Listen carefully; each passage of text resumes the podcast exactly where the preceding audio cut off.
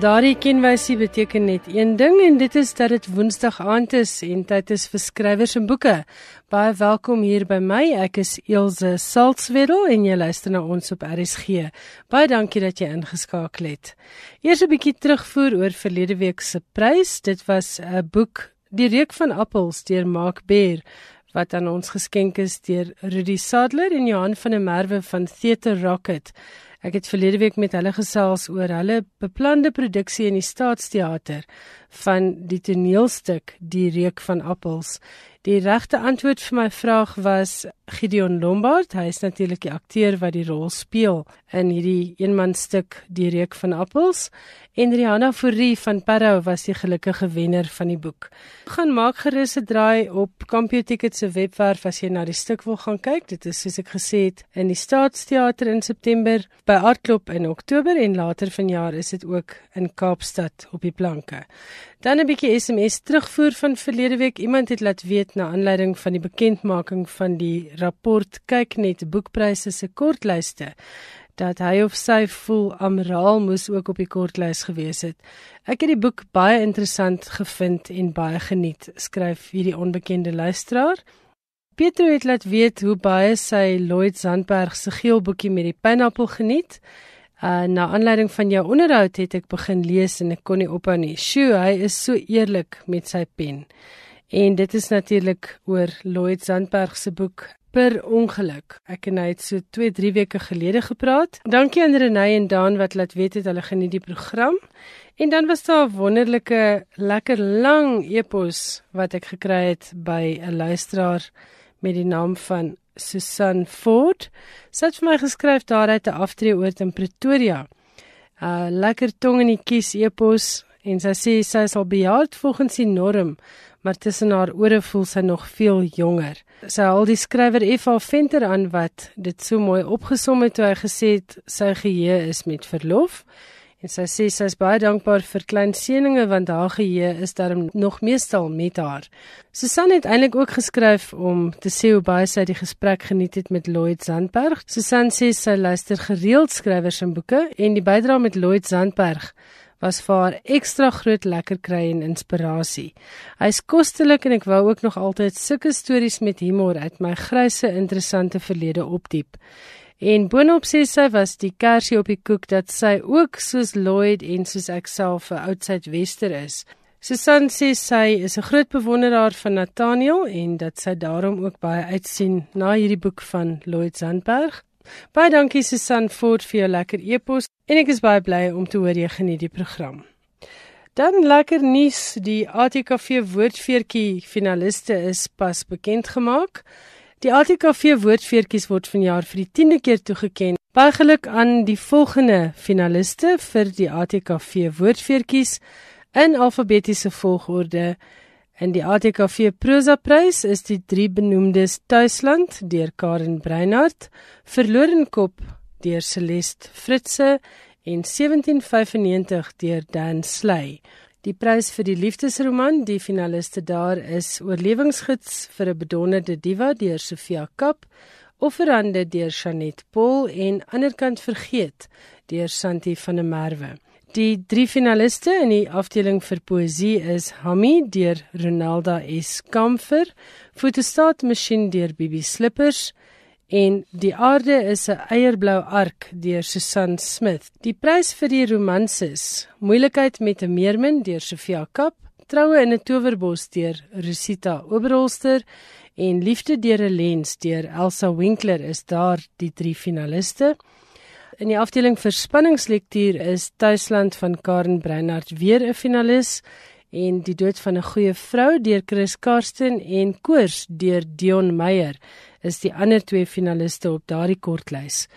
In die afdeling vir dramatekste vir die ATKV woordfeertjie toekenning van 2017 is Christo Davids se My seuns deurnis en dit is gespel soos 'n deur deur Janus Erasmus, Henko Heymans en Johan Smith en dan Wild deur Philip Rademeier. Dit is die drie finaliste vir die dramateks. Ek's baie bly om te sien die ATKV het die woordfeertjie kategorie ook uitgebrei na nie fiksie want dit is 'n baie vinnig groeiende genre in Afrikaans. En die drie finaliste daar op die kortlys is Broeder Twist deur Albert Blyk, Emily Habhaus geliefde verraaier deur Elsabie Brits en historikus Herman Gilomee deur Herman Gilomee. Baie geluk aan al die finaliste vir die ATKV woordfeertjie toekenninge en baie dankie vir die ATKV se erkenning van hierdie skrywers. Dankie ook vir die geldpryse wat die ATKV elke jaar hiervoor skenk. Ek weet dit maak definitief 'n verskil aan skrywers se bankbalans. Baie dankie daarvoor. Laat weet gerus vir my watse Afrikaanse boeke het julle hierdie week gekoop op Koop Afrikaans Boekdag. Dit was natuurlik Maandag die 14de Augustus was die amptelike Koop 'n Afrikaanse Boekdag. Die SMS nommer net weer 45770 en elke SMS kos R1. Onthou van die Pretoria Boekejol en Filmrolfees hierdie week, dit het vandag die 16de Augustus amptelik begin. Dit duur tot Sondag aand en alles vind plaas daar by die Linwood Bridge winkelkompleks daar in die omgewing en ook by die Alkantrand Biblioteek net agter Linwood Bridge. Ondersteun die skrywers daar en ondersteun gerus die Pretoria Boekejol en Filmrolfees. Die volledige program is by www.boekejol.co.za. My gas vanaand in die ateljee is Skalk Skoombie en ek gesels met hom oor sy splinternuwe raaiselroman Rooi Haring. Geniet dit.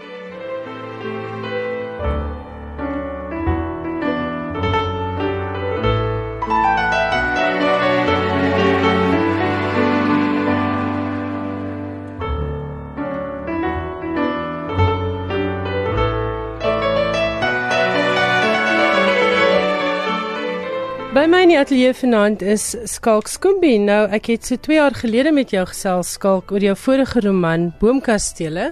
Dit is toe nou benoem vir pryse, die ATKV Prosa Prys en die Jan Rabie Rapport Debietprys. En nou is daar 'n splinternuwe tweede roman op die rakke. Baie welkom hier by Skrywers en Boeke en vanaand gesels ons natuurlik nou oor Rooi Haring, jou splinternuwe roman. Baie dankie Ilse, dit is regtig lekker om hier te wees. Goed, kom ons begin by die begin vir ingeval luisteraars wat vanaand luister nou nie weet wie is Skalk Skombini. Jy's 'n opgeleide akteur, jy het 'n graad in drama behaal aan Tikkies as ek reg onthou. Korrek, ja. En toe word jy joernalis. Hoe dit gebeur? Kan my sê baie geleidelik.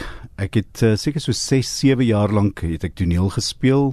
Ek was deel van die Staatsteater se geselskap gewees. Ek het landwyd getoer met um, sekere produksies. En toe gebeur dit dat 'n joernalis met my 'n onderhoud kom doen het vir beeld. Uh die joernalis se naam is Tuis Odendaal en um, op daardie stadium het een van hulle joernaliste uh die koerant verlaat wat rolprentresensies gedoen het en Hy het toe agtergekom ek het 'n groot passie vir rolprente en vra toe vir my wil ek nie uh, so vir 6 maande probeer uh resensies skryf nie want hulle het 'n gaping en dis toe wat ek gedoen het en 6 maande het toe 31 jaar geword as joernalis. Ek dink die rede hoekom dit vir my redelik maklik was, ek het natuurlik baie geleer in die bedryf was die feit dat daar sekere verwantskap is tussen die opleiding van 'n akteur en die opleiding van 'n joernalis albei het te doen met mense, onderhoude met mense, kyk hoe mense optree, die wie, wat, waar, wanneer, al daai vragies wat mense my altyd vra, is ook deel van 'n akteur se agtergrond. Ek onthou byvoorbeeld, ek het eendag 'n boemelaar gespeel en ek het toe um, tussen die boemelaars so 'n bietjie gaan uh sit en vir 'n hele dag lank hulle dop gehou met hulle gesels en probeer in hulle koppe kom. En ek dink dis maar baie wat 'n joernalis ook sal doen wat 'n storie skryf oor boemelaars. Jy het nou nie net joernalis gebly nie, jy was tydskrifredakteur, jy was naweek bylaag redakteur as ek reg onthou by Beeld. Jy's sedertdien 'n vryskut joernalis en toe begin jy drama skryf en nie sommer net sulke dramas nie, jou dramas is bekroon onder meer met die Ashanti Smeltkruisprys as ek reg onthou. Ja, Aardklop die Aardklop ja. Ashanti prys. Vir watter drama was dit nou weer? Uh, Liefde Anna. Liefde Anna. Anna Netlingpool. Ja, en dan was ja. daar Samurai daai uh, wonderlike wonderlike drama oor geweld in skole. Daar was 2 of 3 radiodramas. Hoe gebeur dit toe dat jy romans begin skryf? Wel, ek dink 'n skrywer ehm um, wat daarvan hou om 'n bietjie te eksperimenteer, uh probeer maar altyd nuwe dinge nuwe genres, nuwe maniere, style van skryf. En ek wou myself 'n bietjie uitdaag. Ek was nog altyd lief vir speurromans, maar van die ou tydse soort, Agatha Christie, B.D. James, uh die mense wat jou soort van aan die raai hou. Daar's nie vreeslik baie geweld in nie. Dis nie die harde speurverhale van sê Dion Meyer nie. Dis nie 'n procedural wat absoluut ingaan op hoe die polisie 'n saak hanteer nie. Uh, dit gaan meer oor die sielkunde van mense, interaksie tussen mense, 'n deursnit van 'n gemeenskap en so. So ek was eintlik al van hoërskool af baie lief vir whodunits en ek het selfs in my hoërskooljare 'n hoe dan het geskryf oor my klasmaats. En ek het hulle maar baie ligtelik vermom en die storie het soort van die ronde gedoen in die klas en elkeen het gelees en probeer dink um, is hy nou self die moordenaar of nie. So dit kom eintlik al baie baie jare wat ek lus is vir so iets en mense het aanhoudend vir my gesê hoekom probeer jy dit nie? My vrou veral sy het aangehou my aan te por. Dit is nogal 'n moeilike genre om in te skryf en daar's vreeslik baie dingetjies om in gedagte te hou en so en uh, ek het uitgestel en uitgestel maar uiteindelik tog maar net skouer aan die wiel gesit en dit was toe vir my baie lekker ervaring gewees. Was hierdie vir jou lekkerder as Boomkastele want Boomkastele was nou weer iets heeltemal nuuts. Dit was anders as wat ons gewoonlik in Afrikaans te lees kry. Wat was vir die lekkerste skryfervaring van die twee? dink boomkastele was vir my iets wat ek uit my moes skryf. Dit was deels autobiografies alhoewel daar ook 'n storielyn is wat niks met my te doen het nie. So baie van my was in daardie boek. En dit is 'n boek wat baie geleidelik gebeur het. Dit het regtig 4 jaar of so gevat om al daai goed bymekaar te bring in my kop en so aan. So dit was lekker om dit te skryf maar ook baie moeilik. Ek het miskien op 'n manier 'n bietjie gewroeg daarmee. Terwyl rooi haring het baie vlotter vir my gebeur.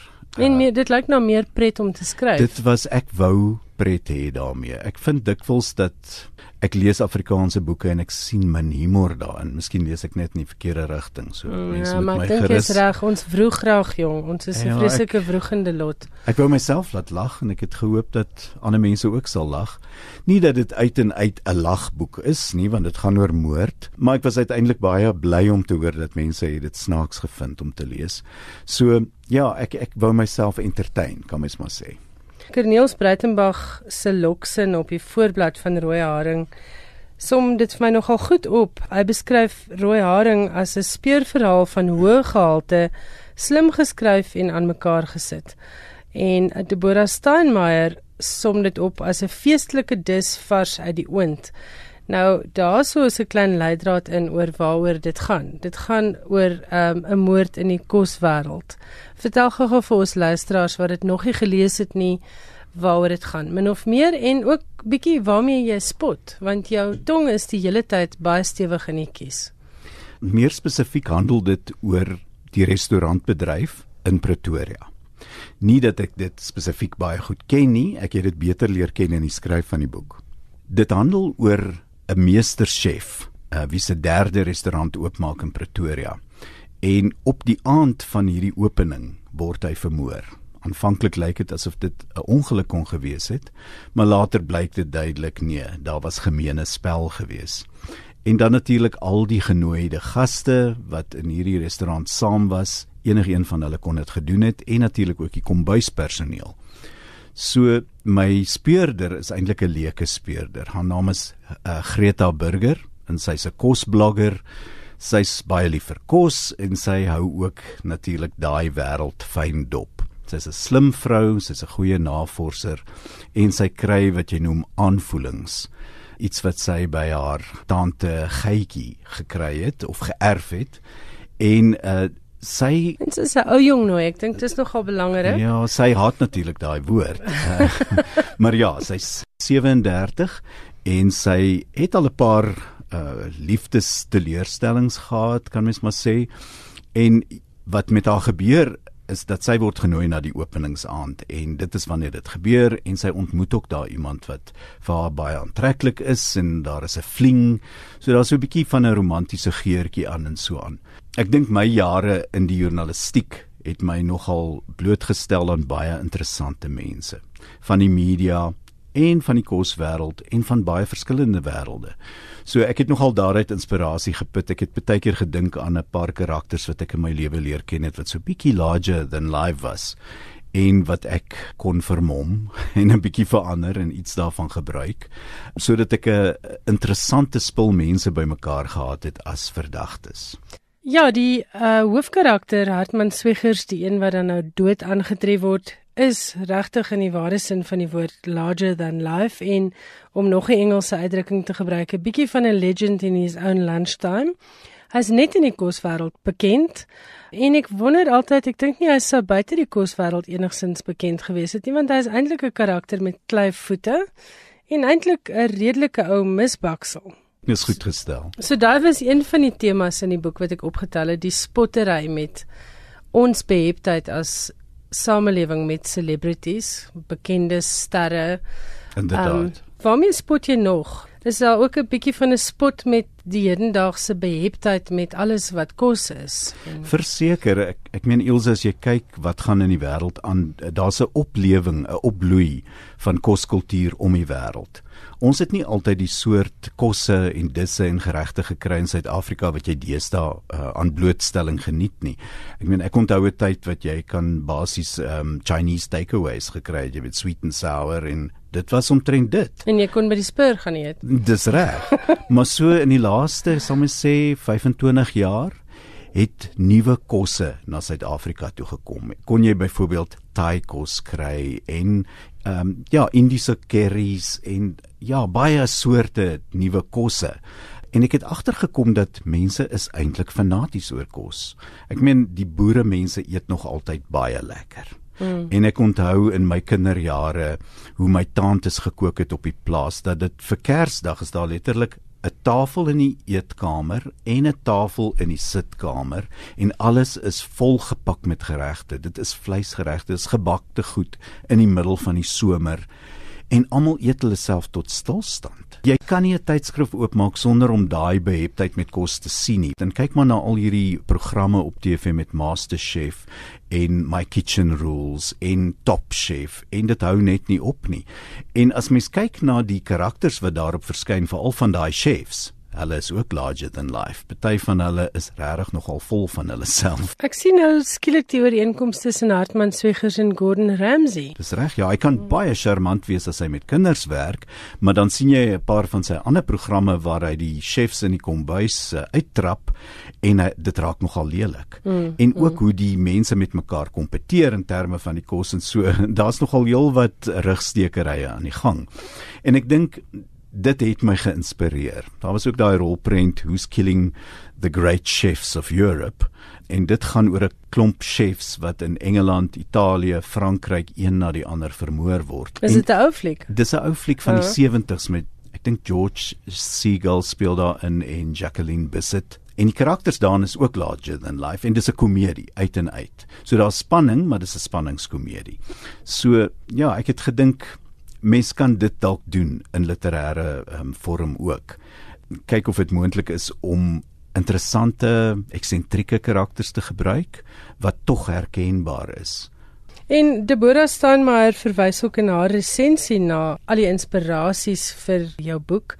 Ek haal graag aan Skalkskombie se rooi haring is inheems, maar met skete geheime bestanddele uit eksotiese oorde.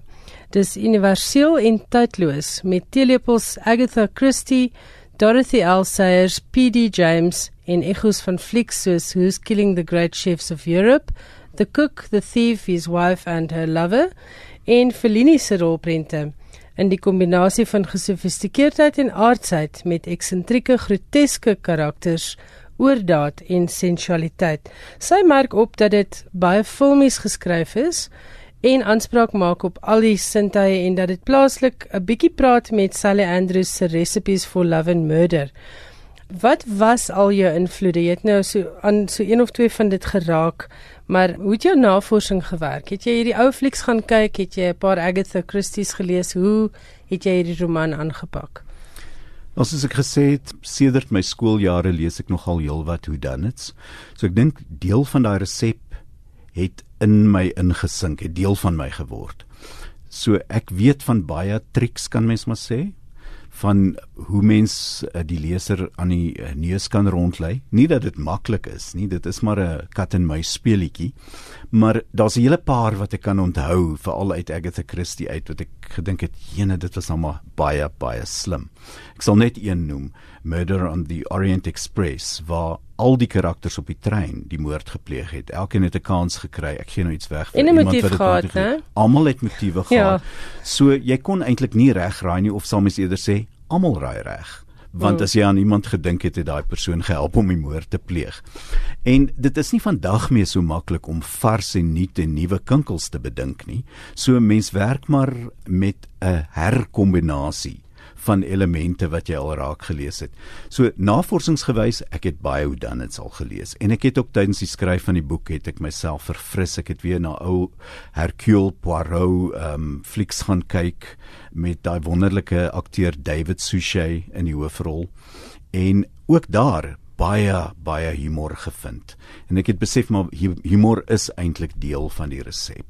Mens kan dit nie heeltemal uitlaat nie ek het natuurlik heel wat oor die kosbedryf opgelees. Ek het baie notas gemaak daaroor. Ek het self ook meer begin kook en bietjie meer wagmoedig begin kook.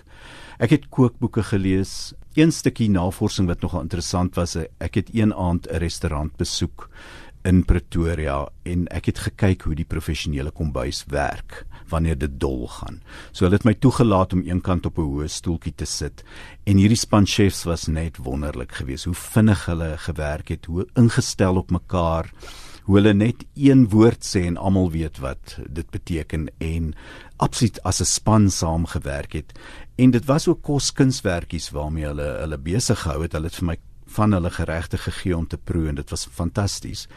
En daar het ek ook 'n paar dinge agtergekom wat nie reg was in my eerste weergawe nie wat ek toe herskryf het. En ek kon ook in 'n instap 'n yskas ingaan waar my karakter, my slagoffer gevind word. So ek kon presies ervaar hoe dit voel binne so 'n yskas en ek kon daai sintuiglikheid uh, kon ek betrek by die boek. Jy het ook gevra oor hoe ek byvoorbeeld eh, alle sintuie probeer betrek het. Met die skryf van Boomkastele het een resensent gesê wat hy eintlik mis in my boek is dat daar nie musiek is nie dat daar nie 'n musical journey amper is vir die karakters nie en dit het ek in gedagte gehou met hierdie boek.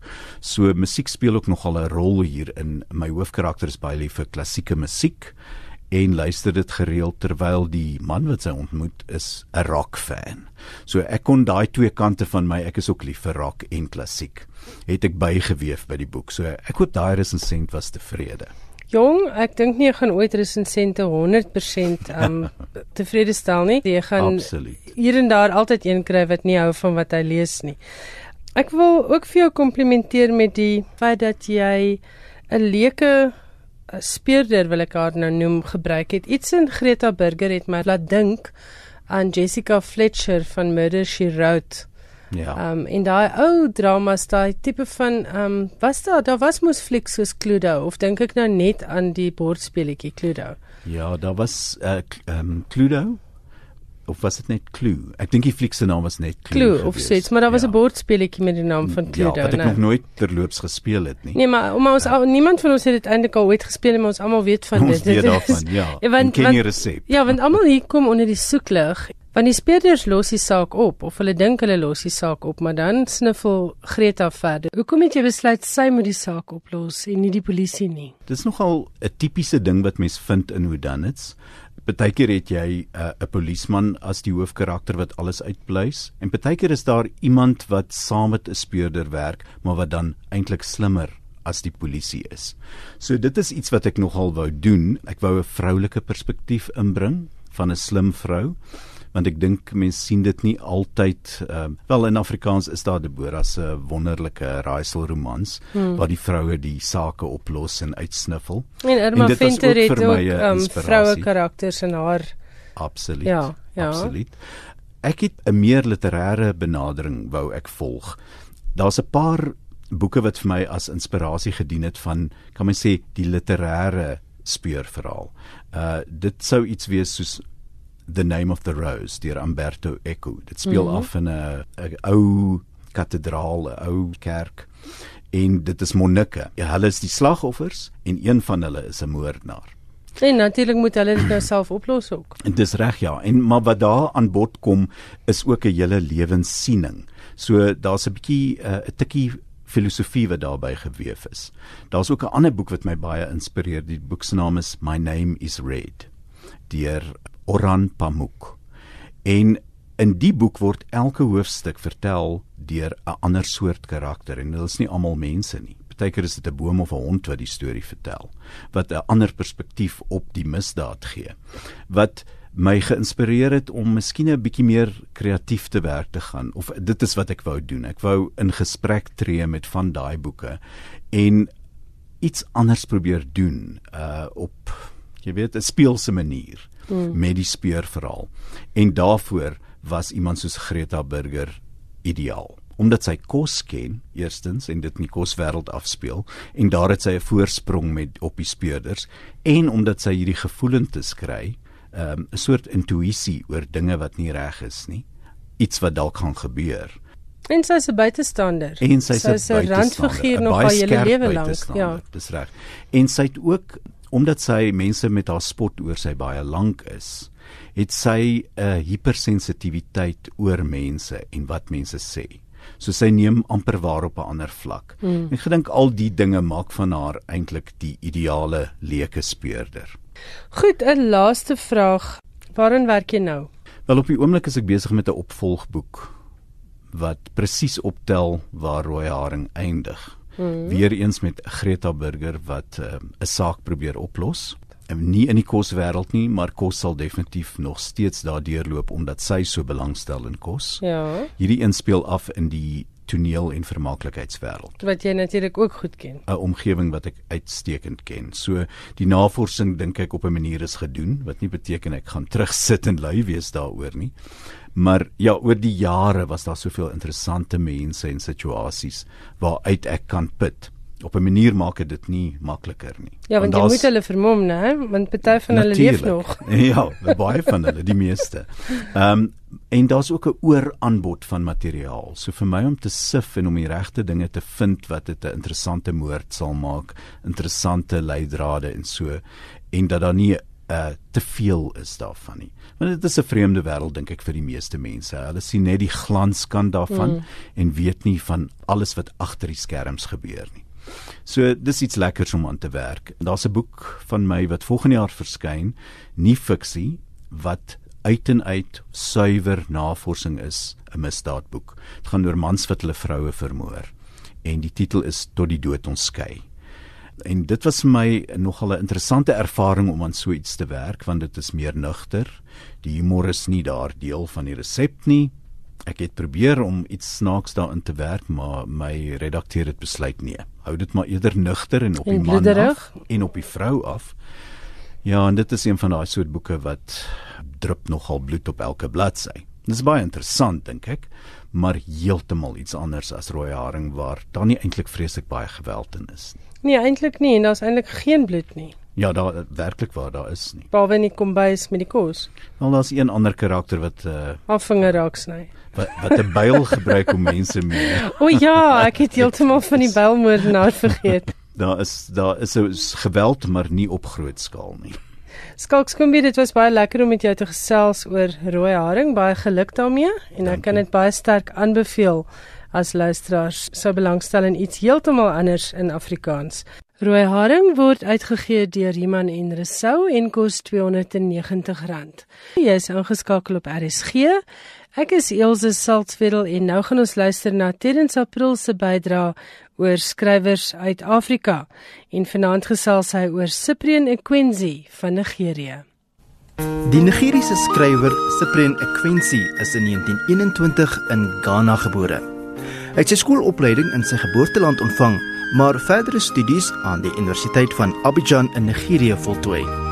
Hy het later ook in Londen en Iowa in die natuurwetenskappe gespesialiseer. Terug in Nigerië het Quincy belangstelling in die letterkunde begin toon asook die uitsaaiwese. Hy het in direksies van verskeie uitgewers van letterkunde tekste gedien en selfs as raadgewer van die president oor letterkunde en kuns opgetree. Cyprian Equensi se eerste roman People of the City het in 1954 verskyn. Later het Jaguanana, Burning Grass en Loco Town gevolg. Sy laaste letterkunde teks, Cash on Delivery, het in 2006 verskyn, 'n jaar voor sy afsterwe. Hier volg 'n uittreksel uit sy roman Survive the Peace. Laughter in the midst of tragedy can never really be funny. Yet, they'd been bandying jokes that afternoon, soon after the air raid on the Biafran town. James Adugo, senior reporter news, had been there in the newsroom with his colleagues, tense as a bowstring, frightened with that hollow fear of ever impending sudden death in wartime. One of the boys at the typewriters, he could not remember which, had made a prediction. When this war will end, it will be like the abomination of desolation which was spoken of by Daniel the prophet standing in the holy places. He that heareth, let him understand. That remark had made them break out into a nervous laugh, easing the tension. Back and forth to the rhythm of clattering typewriters went the nervous quotes, until James Udugo mentally withdrew into the private world of chain cigarette smoke. That has been one of those days that stuck in his memory. Cyprian Equensi het baie geskryf oor stories uit Nigerië asook die problematiek van Afrika. Hy word in dieselfde asem genoem as Nigerië se ander pryswennende skrywers soos Chinua Achebe en Wole Soyinka. Hy speel in 'n opmerking oor kontak met die groot skrywers genoem dat mense hulle deesdae net oor see te siene kan kry, maar dat hy dit nie kan bekostig om daarom te reis nie.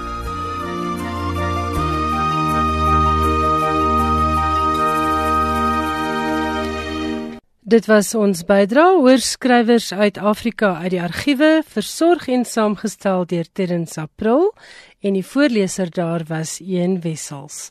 Jy luister na skrywers en boeke en ek is Elsje Salzwetel en jy's natuurlik ingeskakel hier op RSG.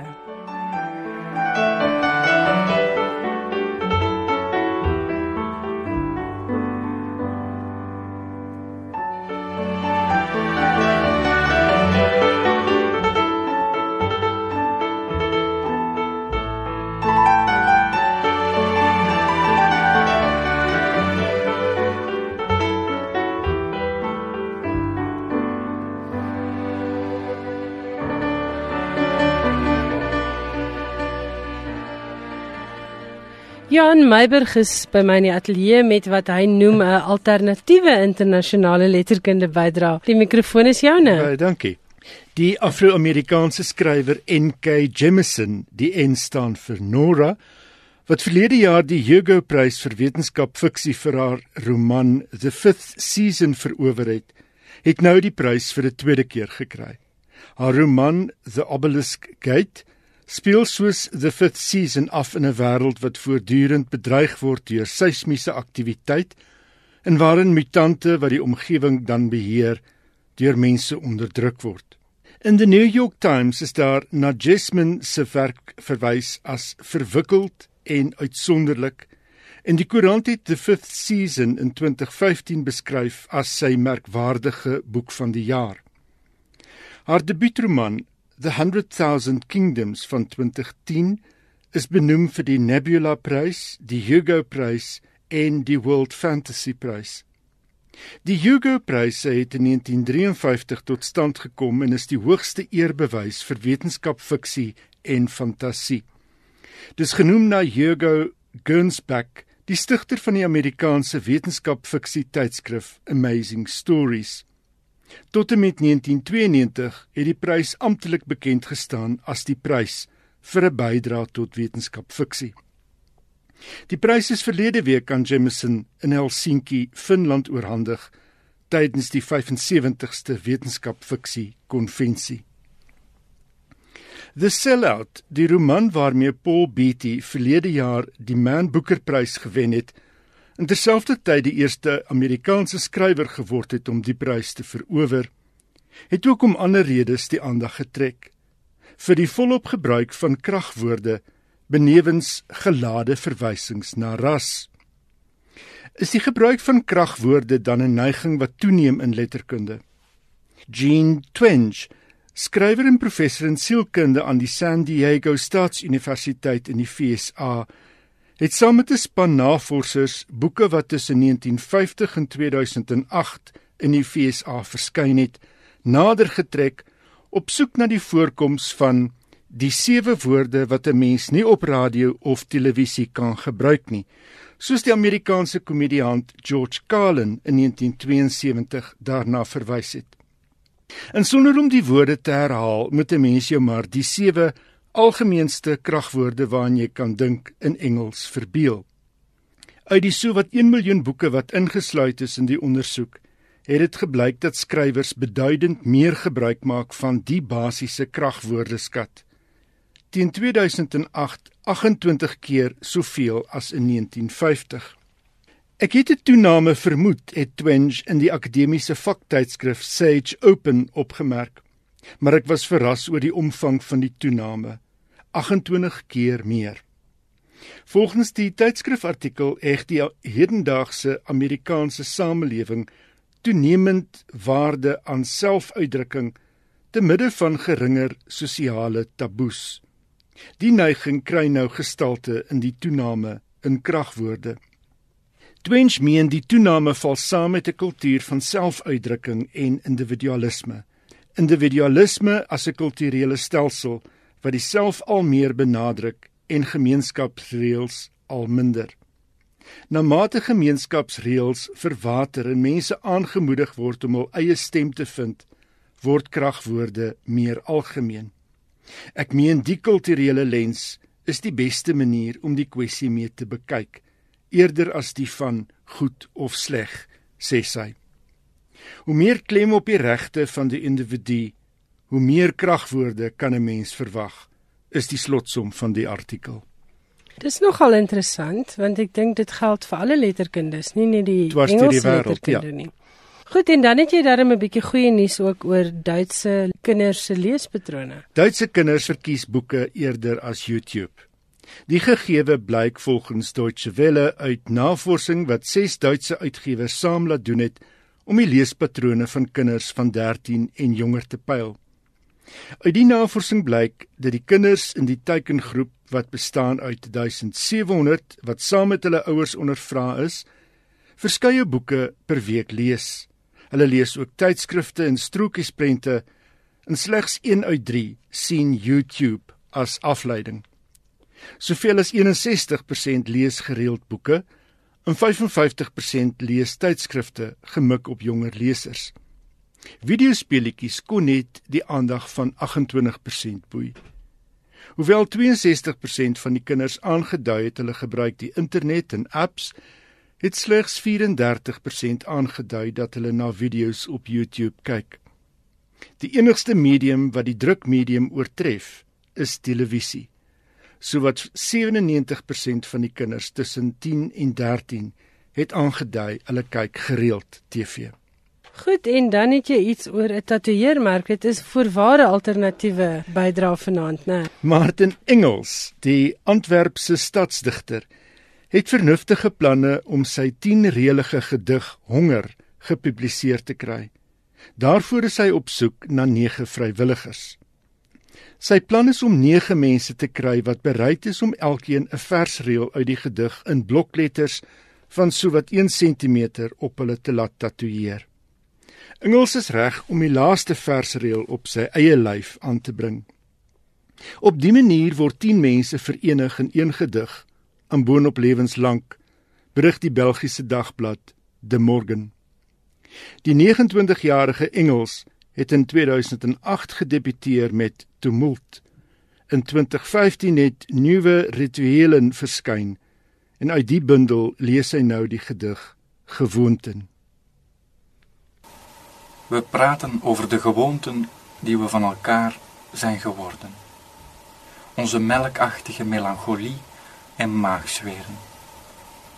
Over de stinkende kaas die op tafel ligt, de zwier van haar niesbui, onhoorbare jaloezie, rekeningen en de betovering van tegenlicht. J bezigt alpinisme. Z zingt van carrière en een kind, instant magie. En en ik vertellen over onze tics, over ons hart lopen of het gebrek daaraan. Bijgeloof dat het onze schaamte is ontstaan. Wijn versuikert de duisternis. De wens van de oefenende mens zo opvallend mogelijk te contrasteren met de landschapsachtergronden, nooit opgesloten te worden in de verdubbelende dagen die ons belagen. Het rechte schoolhandschrift zijn we kwijt, maar ons verlangen naar een nieuwe intimiteit krijgt vorm. Tot de pompoentijd is aangebroken. Middernacht sneuvelt rinkelend met een glas. Buiten wacht een humeurige wereld. Schommelend zoeken we de schemerte op, waarin we onze zelfportretten opzetten. Dit was dan die stem van die Nederlandse digter Martin Engels. Baie dankie, lekker interessant soos altyd. Ons gesels volgende week weer. Baie dankie. daarmee het ons dan aan die einde gekom van vanaand se skrywers en boeke. Baie dankie dat jy saamgeluister het. Onthou om vir my te laat weet watter boeke het jy aangeskaf vir Maandag se Koop 'n Afrikaanse Boekdag, 'n inisiatief van die Vriende van Afrikaans. En die SMS nommer is 45770. Elke SMS kos R1. En my e-posadres natuurlik skrywers en boeke by rsg.co.za. Onthou van die Pretoria Boekejol en Filmrolfees wat van vandag Woensdag die 16de tot Sondag aand aan die gang is, gaan maak gerus daar 'n draai die webwerfadres net weer www.boekejol.co.za. En as jy in die Weskaap woon en jy's 'n poësieliefhebber, maak seker jy gaan maak ook 'n draai by die McGregor Poetry Festival se webwerf www.mcgregorpoetryfestival.co.za. Dit is natuurlik McGregor se gedigte naweek wat plaasvind vanaf die 25ste tot die 27ste Augustus en ek en Philip De Vos, Johan Meiberg en Diana Ferris gaan saam met Nick die Jager daar 'n bietjie 'n uh, informele woordketting hou. Dit is nou natuurlik nie die oorspronklike woordketting van die RSG Kunstefees nie. Dit is altyd groot pret, maar McGregor se gedigtefees het ons gevra om sommer so met die digters wat daar teenwoordig is, 'n uh, tipe van 'n woordketting vir hulle te kom doen. Nou as jy nie weet hoe die woordketting werk nie, gaan luister gerus op RSG Kunstefees na die vorige twee. Maar as jy McGregor toe kom, dan sal ons vir jou wys presies wat doen ons. Ons werk met bestaande gedigte, die digters doen. Ek kies maar net die gedigte en sorg dat die gesprek lekker loop. Die digters werk daarmee, hulle doen hulle eie variasies daarvan. Hulle interpreteer dit, hulle tree in gesprek met die digter en dit is gewoonlik groot pret. Ons lag baie lekker en ons kom weer onder die indruk van die krag van die woord en natuurlik hoe mooi Afrikaans is. Dit dan volgende naweek se McGregor gedigtefees, sien jou dalk daar. Ek sluit vanaand se skrywers en boeke af met Beethoven se Eine kleine Nachtmusiek. En dit is natuurlik een van Skalk Skoombie se karakters in Rooi Haring, Greta Burger. Sy hou baie van klassieke musiek en hierdie is een van haar gunsteling snitte. Onthou vanaand se gesprek is as 'n potgooi beskikbaar. Daarvoor gaan jy na ons webwerf rsg.co.za. Geniet die res van jou aand en bly ingeskakel. Totsiens. thank you